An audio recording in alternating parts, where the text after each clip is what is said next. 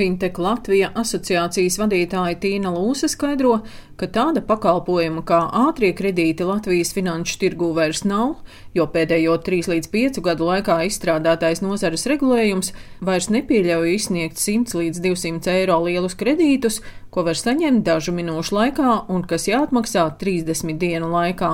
Šobrīd ir noteikts gan cenas regulējums, gan ļoti stingras maksātspējas vērtēšanas prasības.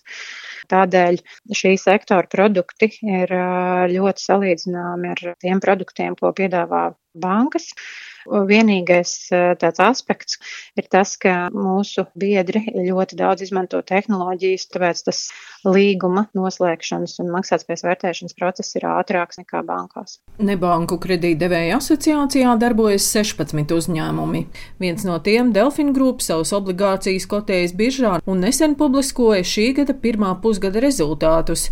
Tie liecina, ka salīdzinot ar attiecīgo laika posmu pērn, uzņēmuma apgrozījums palielinājies par 62%. Tomēr Tīna Lūse skaidro, ka šis pieaugums neliecina par izsniegto kredītu skaita pieaugumu visā nebanku nozarē. Noteikti šos rezultātus nevar vērtēt kā tādu nozares kopīgu tendenci, tādēļ, ka Delfina grupa rezultāti ir saistīti ar to, ka viņi ir audzējuši atsevišķu zīmolu pozīciju tirgu. Vienkārši tirgus daļa ir augusi, iegādājoties šos konkurentu kredītu portfeļus. Salīdzinot ar 20. gadu, tā situācija atgriežas iepriekšējā līmenī, bet katram biedram šie rezultāti tomēr ir atšķirīgi. Nebanku kreditētājus uzrauga patērētāju tiesība aizsardzības centrs. Tā pārstāve Sanita Gērtmani skaidro, ka šī gada dati par izsniegtajiem kredītiem vēl nav apkopoti, bet pērn pirmajā pusgadā patērētāji bija piesardzīgi, savukārt otrajā pusgadā Kreditēšana atgriezās pirms Covid pandēmijas līmenī. Uzlabojusies nebanku kredītu atmaksas disciplīna, bet par 20% augušas patēriņa kredītu summas. Vidējā kredīta summa ir 637 eiro. Līzings arī tur ir augusi summa par 11%. Arī šajos hipotekārajos kredītos, kurus izsniedz nebankas, arī tur ir pieaugums tieši summās. Tātad 2021. gadā patērētāji ir diezgan drosmīgi aizņēmušies bez uh, problēmām, ir atmaksāti 91% kredītu, kas ir visaugstākais rādītājs, uh, kopš mēs veicam šo statistiku.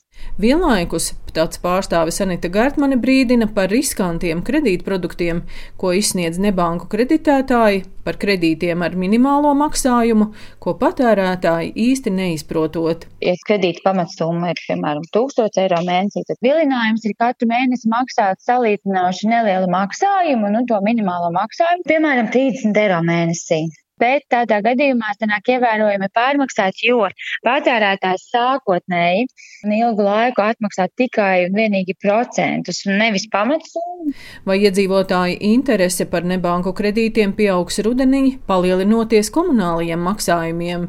Fintech asociācijas vadītāja Tīna Lūsa vērtē, ka šobrīd to prognozēt ir grūti. Tas, ko mēs šobrīd redzam, ka tirgus ir salīdzinoši stabils un jau vairākus gadus no vietas kredītportfeļa kvalitāte ir ļoti laba, atmaksas eh, kvalitāte ir laba. Un, un nozare ir gatava reaģēt uz eh, situāciju tirgu, ja mēs redzēsim, ka rudenī patērētājiem radīsies grūtības, un, un mums jau šajā ziņā ir pozitīva pieredze arī Covid pandēmijas laikā asociācijas biedri nāca pretī klientiem ar dažādiem risinājumiem. Tā kā to mēs gaidīsim un skatīsimies, kas notiks rudenī. Savukārt tāds pārstāvis Anita Gērtmane aicina nebanku kredītus neizmantot komunālo maksājumu un rēķinu apmaksai ņemt kredītu būtu pieļaujams tajos gadījumos, nu, ja cilvēks vēlas iegādāties, piemēram, materiālus visas ziemas apkurēji, piemēram, nopirkt malku vai granulas, un pēc tam pa mazām porcijām šo te atmaksāt kredītu, jā, vai varbūt tās dažkārt kredīts tiek ņemts ilgtermiņa ieguldījumu siltināšanai. Šādos gadījumos droši vien arī šie te kredīti būtu vairāk vai mazāk labs risinājums, bet ikmēneša rēķins ir jācenšas atmaksāt no tātad esošā budžeta budžeta un noteikti uzreiz arī vērsties pie tā pakalpojuma sniedzēja un, un mēģināt vienoties par šo pakāpenisku rēķinu nomaksu ilgākā laika periodā. Tāpat iedzīvotājiem jāseko, kādu atbalstu šodien varēs saņemt no valsts un pašvaldībām. Daina Zalamane, Latvijas radio.